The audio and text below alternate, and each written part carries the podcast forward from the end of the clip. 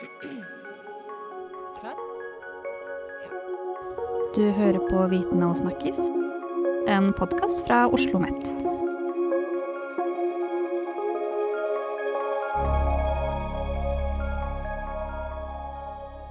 Hei og velkommen til Viten og snakkis, Oslo OsloMets forskningsformidlingspodkast. Mitt navn er Julie Solvin Jacobsen, og dette er del to av serien om forskningsprosjektet Strength to Food. Et prosjekt som skulle se nærmere på bærekraftig mat, dens verdikjeder og matmerking. Med meg i dag har jeg Gunnar Wittersjø og Virgin Amilien. Velkommen. Takk. Hei. Eh, dette har jo vært et eh, omfattende forskningsprosjekt over fem år, hvor det store hovedmålet, slik jeg har forstått det, har vært å få forbrukere til å kjøpe mer lokalprodusert mat, og hvordan dette kan gjøres lønnsomt for bønder og fiskere. Eh, dere har jo hatt flere målsetninger med dette prosjektet, og et av de var jo å styrke denne kvalitetsmerkingen. Eh, men hva er egentlig matmerking? Ja, la oss begynne eh, ganske grundig. Eh, når du kjøper mat, og du har en butikk, så det er noen karakteristikker som du ser, f.eks. hvordan et eple ser ut, om det er gammel eller ikke. Eh, du ser pris. Men det er noen ting som du ikke ser. F.eks. hvor den kommer fra, hvem som har produsert, om det er økologisk eller ikke, osv. Så, videre. så målet med matmerking er på en måte å snakke til forbruker. Det er et språk for å informere om ting som du selv ikke ser når du har et produkt i hendene. Det er det som er målet.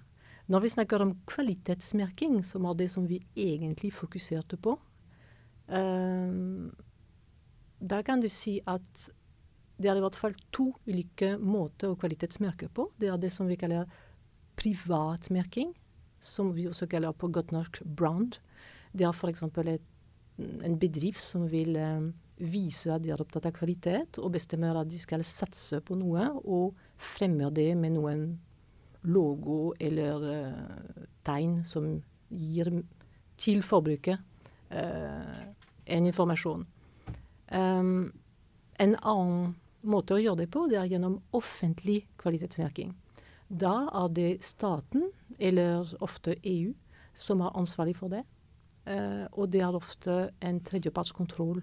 Det betyr at det er ikke bare én person eller én bedrift som bestemmer at dette har bra kvalitet, men det er egentlig en uavhengig kontroll med folk som, uh, som jobber med mat- og matsystem, som går inn regelmessig. For Det er akkurat det jeg egentlig skulle spørre om. fordi Hvem er det som egentlig sjekker at denne kvalitetsmerkingen faktisk betyr det det skal bety, da, som er liksom en sikkerhet for oss som, som forbrukere? Men da sa du at det er en uavhengig eh, liksom, Eller hva, hvem er de? Uavhengig vi sier tredjepart, vet ikke om dette er riktig på norsk. ja. Eh, og det er bare når det gjelder offentlige merker. Eh, privatmerker, du kan si at det er ryktet som gjør. Mm. Det er forbrukerne. Uh, i, i, vårt prosjekt så ser vi at uh, noen private merker er veldig populære. Folk vet at de er gode, og de kjøper den på nytt. Så da er det et, uh, basert på rykte. Men den andre er basert på kontroll. Når det gjelder EU-kvalitetsmerking, så det er ofte en sammenslutning av produsenter som blir enige om hva er kvalitet for deres produkt. de undertegner en slags avtale og så er det en tredjepart, og det er ofte ingeniør eh, som jobber med mat, eh, sikring og sånne ting. Matkvalitet, egentlig, som kommer og eh, kontrollerer produktet regelmessig. Kvalitet av maten, hva mener dere med det? Hva mener dere med kval kvalitetmat? Hva er det sammenlignet med mat som ikke har kvalitet? Ah, dette er altså et godt spørsmål. godt spørsmål det er også et kulturelt svar på det. Og jeg som er opprinnelig fransk, kan godt få lov til å svare. Ja, gjerne. Vi sier ofte at det er ulike måter å tenke kvalitet på mellom Nord-Europa og Sør-Europa. Eh, og Nord-Europa er det sannsynligvis um, Mattilsynet som styrer veldig mye av kvalitet, for å si det sånn. Det betyr at det skal være hygiene, standardisering. Det skal være ganske lik. Du blir ikke overrasket fordi den gangen er osten hvit eller den ene gangen blå. ikke sant? Uh, så du, det er, kvalitet betyr noe som er trygg, rett og slett. Når det gjelder Sør-Europa, så er det en litt annen forstand på kvalitet, som går mye mer på smak, som går mye mer på eh, relasjoner, vi snakket om det, med de som har produsert, eh, og bl.a. opprinnelse. Derfor disse kvalitetsmerkingene vi snakket mye om, bortsett fra økologisk, som går på opprinnelsesbetegnelse. Som sier veldig mye om en produkt, fordi produktet kan smake helt annerledes om den er laget her eller der. Det har vi også i Norge. Jeg husker da vi jobbet med gammelost fra Vik. Uh, eldre folk fortalte at i gamletiden så uh, hosten fra den uh, fjellet har, det, det, smakte helt annerledes fordi kuene spiste andre ting. Men det er en måte å tenke mat på som har sannsynligvis forsvunnet litt, og som kanskje kommer tilbake. Så foreløpig kan vi si at du har to ulike måter å tenke kvalitet på. Og da setter du finger på akkurat problemet i prosjektet. Det er hvordan vi sjonglerer med disse to ulike måter å tenke kvalitet på. Når du har en EU-ordning som er inspirert av søreuropeisk måte å tenke på, i et land som egentlig tenker kvalitet på en helt annen måte. Eh, for, for å finne ut, da, som dere har gjort her, da, uh, hvordan man da skal kunne styrke denne kvalitetsmerkingen, så har dere også måttet finne ut av hvordan forbrukerne i dag kjøper mat. Og det er derav studien deres. da. Uh, og jeg har lyst til å gå litt inn på denne studien og hvordan dere, hvordan dere gjorde det her med informanter og, og, og, og forbrukere. Men aller først, hva, hva betyr egentlig ordet for, forbruk, eller forbruk? Jeg er veldig glad for at du spør. Skal jeg svare, Gunnar? Ja, ja. ja, fordi forbruk ofte, ofte er litt uh, Det er litt så dårlig uh, belastet ord, på en måte. Uh, som, som etymologisk sett konsumere betyr å ødelegge eller å spise opp, siden vi snakker om mat. ikke sant? Men vi trenger å ta litt avstand fra akkurat begrepet og definisjonen, så vi pleier å si at Uh, når vi snakker om forbruk, er det minst fire faser som er viktige for oss. Og det er å planlegge. Planlegge hva du vil skaffe. Uh, det er å kjøpe. Det er å bruke. Og så er det å kaste eller avhende. Uh, hvorfor det er viktig å skille mellom disse ulike fasene? For, for, for oss forskere er det for bedre forstå hvordan dette fungerer, men det, også, det hjelper oss også å forstå hva som ligger bak. Det er ikke bare et spørsmål om å bytte bytte en vare mot penger, som er vanlig markedsøkonomi. Det er veldig mye omsorg, det er veldig mye uh, kjærlighet, det er veldig mye dialog. Det er utrolig mye som ligger bak, og det er det som vi er interessert i. Den ødeleggelsesdelen er kanskje ikke den mest spennende. Um, ja, fordi som du snakker om liksom konsum og forbruk, så høres det ut som det er, liksom, det er som negativt ladet. Som sier man ønsker å få ned forbruket, og forbruket er dårlig. Men det er også noe man må gjøre som et menneske. Man må jo forbruke, man må jo kjøpe mat. Så det handler jo om å liksom gjøre dette best mulig, da. Uh, som nå har også vært liksom en av målsetningene deres.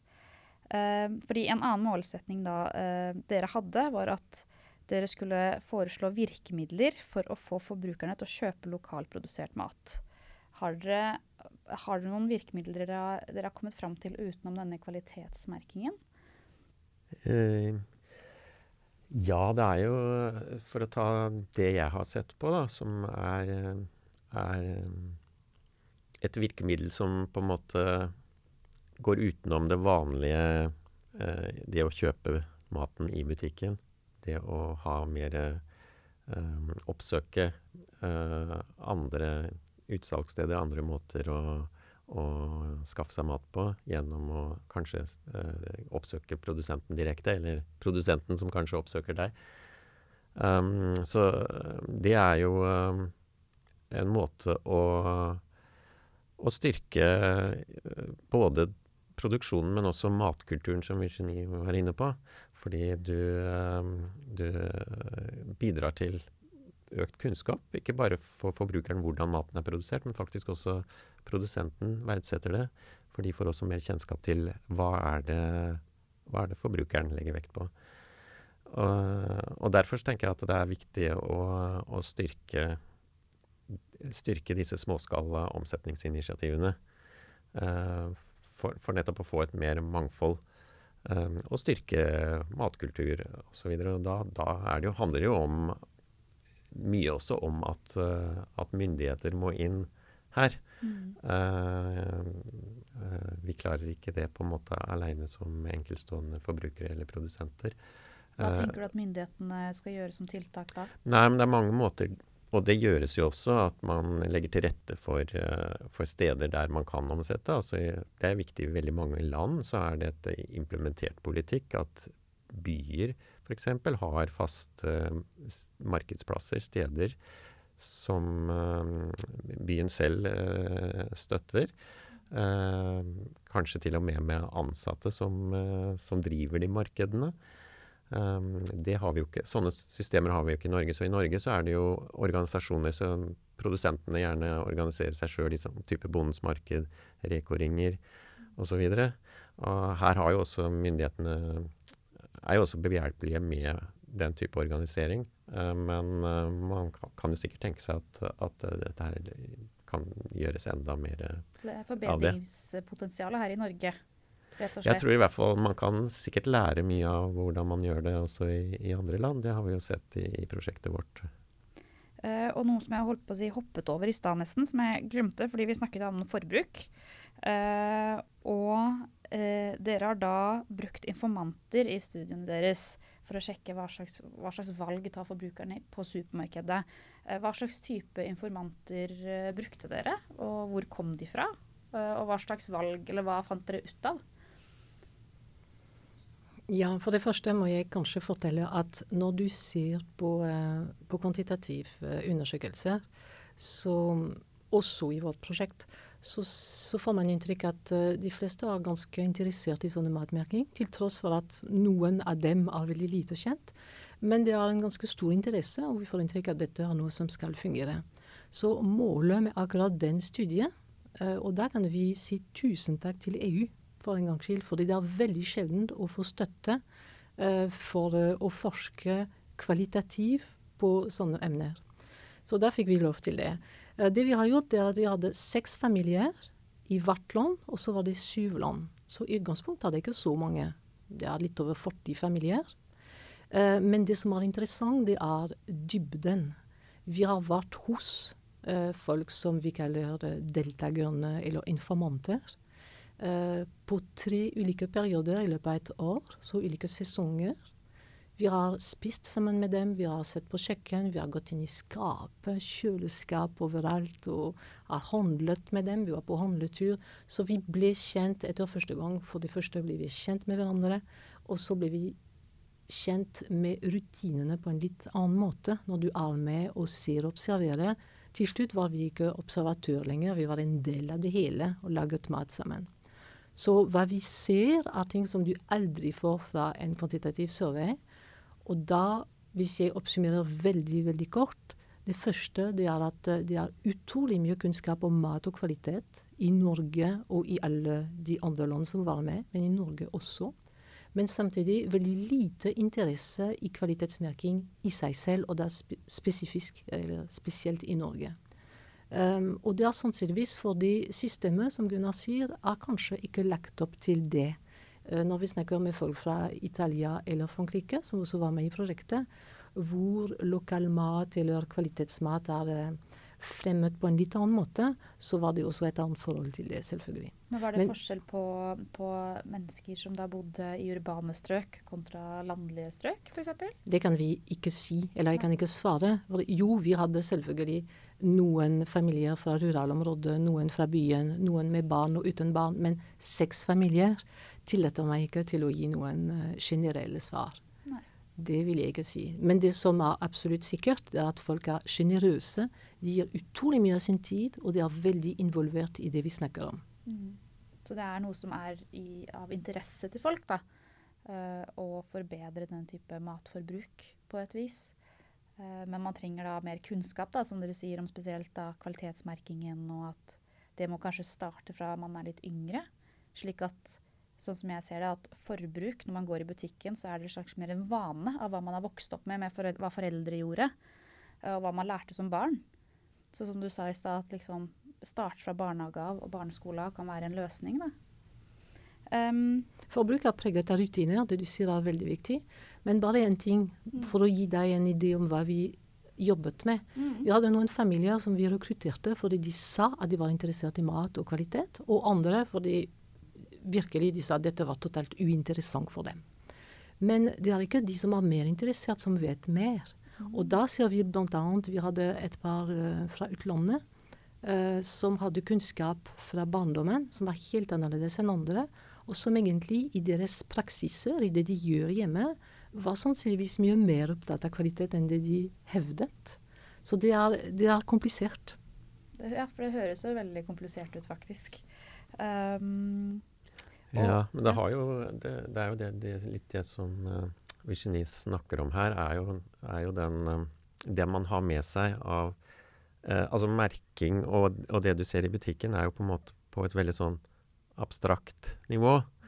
Uh, den informasjonen om mat, og det vi leser om i aviser om lokalmat, eller altså alle disse kampanjene. Det er klart vi blir interessert og sier at ja, dette her er jo spennende, og dette, dette, dette vil vi gjerne ha. Mens det å, å, omsette det i praksis, som, som Virginie sier, er en annen ting. Og da, da har det å gjøre med, med, veldig sånn dette kunnskapen faktisk ned til råvarekunnskap og mange sånne ting, som kanskje er litt forsvinnet gjennom det at vi kjøper alt på en måte ferdig gryteklart i butikken. Så det er den type kunnskap jeg tenker det er mer behov for. Uh, og da gjerne helt ifra uh, fra barnehage av, men kanskje på, på, mange arenaer i samfunnet. egentlig. Ja, fra den, Ikke bare som du sier med, med matmerkingen, men som du sier at man, man blir kjent med, med alt fra liksom, råvarene, og hvor istedenfor å bare som du sier at det kommer ferdig. Da mister man helt den relasjonen til produktet man kjøper. Ja. Man mister jo mye kunnskap om, om behandlingen av, av maten. F.eks. hva er spiselig av maten. Uh, hvor vi f.eks. i dag kanskje utnytter spesielt det med dyr uh, på en kanskje litt dårlig måte. Altså mye blir kanskje aldri kommer fram til oss som mat. Fordi vi nettopp ikke verken har kunnskap eller blir tilbudt det. Gjennom, man kan si at det er stort mangfold eller stort tilbud i butikken, men egentlig så er det ganske begrenset. Fordi det, det er på en måte veldig spesialisert og retta inn mot at det skal være enkelt og greit for oss å tilberede og, og, og sånn, hvilket er bra. Men, men, det er kanskje en sånn dimensjon her eh, som går på det med kvalitet, da. Som eh, mange, på mange nivåer som mangler litt. Men det du sa om relasjon, er tror jeg er utrolig viktig. Relasjon mellom produkt, mellom menneske eh, mennesker, jeg mener den som vi kaller spissere mellom oss, ikke bare forbrukere, men den som spiser, det er virkelig et viktig ord. Og det har preget også av emosjoner. Og når vi snakker om lokal mat og forbruk, er emosjon utrolig viktig også. Og for å øke denne relasjonen, så, så må man jo ha det tilgjengelig, da. Og i dag så, så, føler jeg ikke det er så mye tilgjengelig av, uh, av, mat produsert i nærheten. Er det noe som på en måte dere også har kommet frem til her i studiet, hvordan hvordan gjøre det mer tilgjengelig? Da? Eller at, at, eh, at, myndighetene må inn og få det mer tilgjengelig? Ja, for du har jo helt rett i det at, eh, at uh, det som er produsert i nærheten, ikke nødvendigvis er så veldig tilgjengelig. Og det har jo noe å gjøre med at matsystemet, som jeg kaller det, altså måten uh, maten uh, fra bonden forsvinner ut i et system som er veldig sentralisert, fordi det er styrt veldig fra, i Norge spesielt, fra tre dagligvarer, store dagligvareaktører, kjeder. Og de vil ha, ha en mest mulig effektiv eh distribusjon og sentraliserer, eh, sentraliserer det og, og, distribuerer det ut igjen. Og da har på en måte maten reist en lang vei, og den, eh, den er blitt eh, mer standardisert og ensretta. Og du mister på en måte det lokale særpreget på veien. Da. Så det er liksom tre kjeder som, eh, som står for ja, mer enn 95 av, av omsetningen. Så vi er jo vant til å få varene våre fra eh, butikken. Så det er stor, et, et, stort måte, potensial i forhold til det å formidle at det faktisk finnes en god del produsenter som, som selger direkte til, til forbrukeren. Så forbrukeren må bli oppmerksom på det. Som, som Gunnar sa tidligere, så er det EU som bestiller.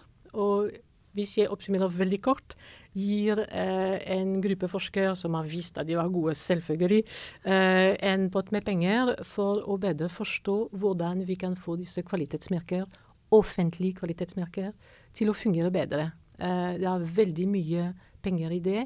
Det er utrolig viktig for uh, bønder i EU. Det er en politikk, det er en landbrukspolitikk i EU som har bygget på det i mange, mange år. Så spørsmålet er hvorfor fungerer det så dårlig på en måte, og hva kan vi gjøre for å få det bedre? Og akkurat i prosjektet så har vi fokusert på flere uh, Gunnar snakket om lokal mat, men det er to uh, fordi lokal mat er ikke kvalitetsmerke EU-drevet EU-drevet kvalitetsmerking, men det er økologisk mat. Og så er de beskyttet betegnelse, som vi snakket om. Så de har vi fokusert mye på. Og når det gjelder økologisk mat, har vi til og med eh, prøvd med eksperimenter å eh, endre logoene, de små eh, tegningene, for å se om det kunne være lettere å forstå osv. Så, så hovedspørsmålet var hva kan vi gjøre for å få det til å fungere bedre. Og svaret vårt er hjelp folk til å forstå hva som ligger bak. Ikke bare gi en logo, men hjelp dem til å forstå på en litt annen måte enn bare eh, tegning og informasjonskampanje. Har du noe du vil eh, tilføye? Det prosjektet her inngår jo også i ikke bare det med kvalitetspolitikken, men det er jo også en måte å, å, å drive eh, Hvordan kan man på en måte drive hele eh, produksjon og forbruk og mat i en mer bærekraftig retning. En podkast fra Oslo Mett.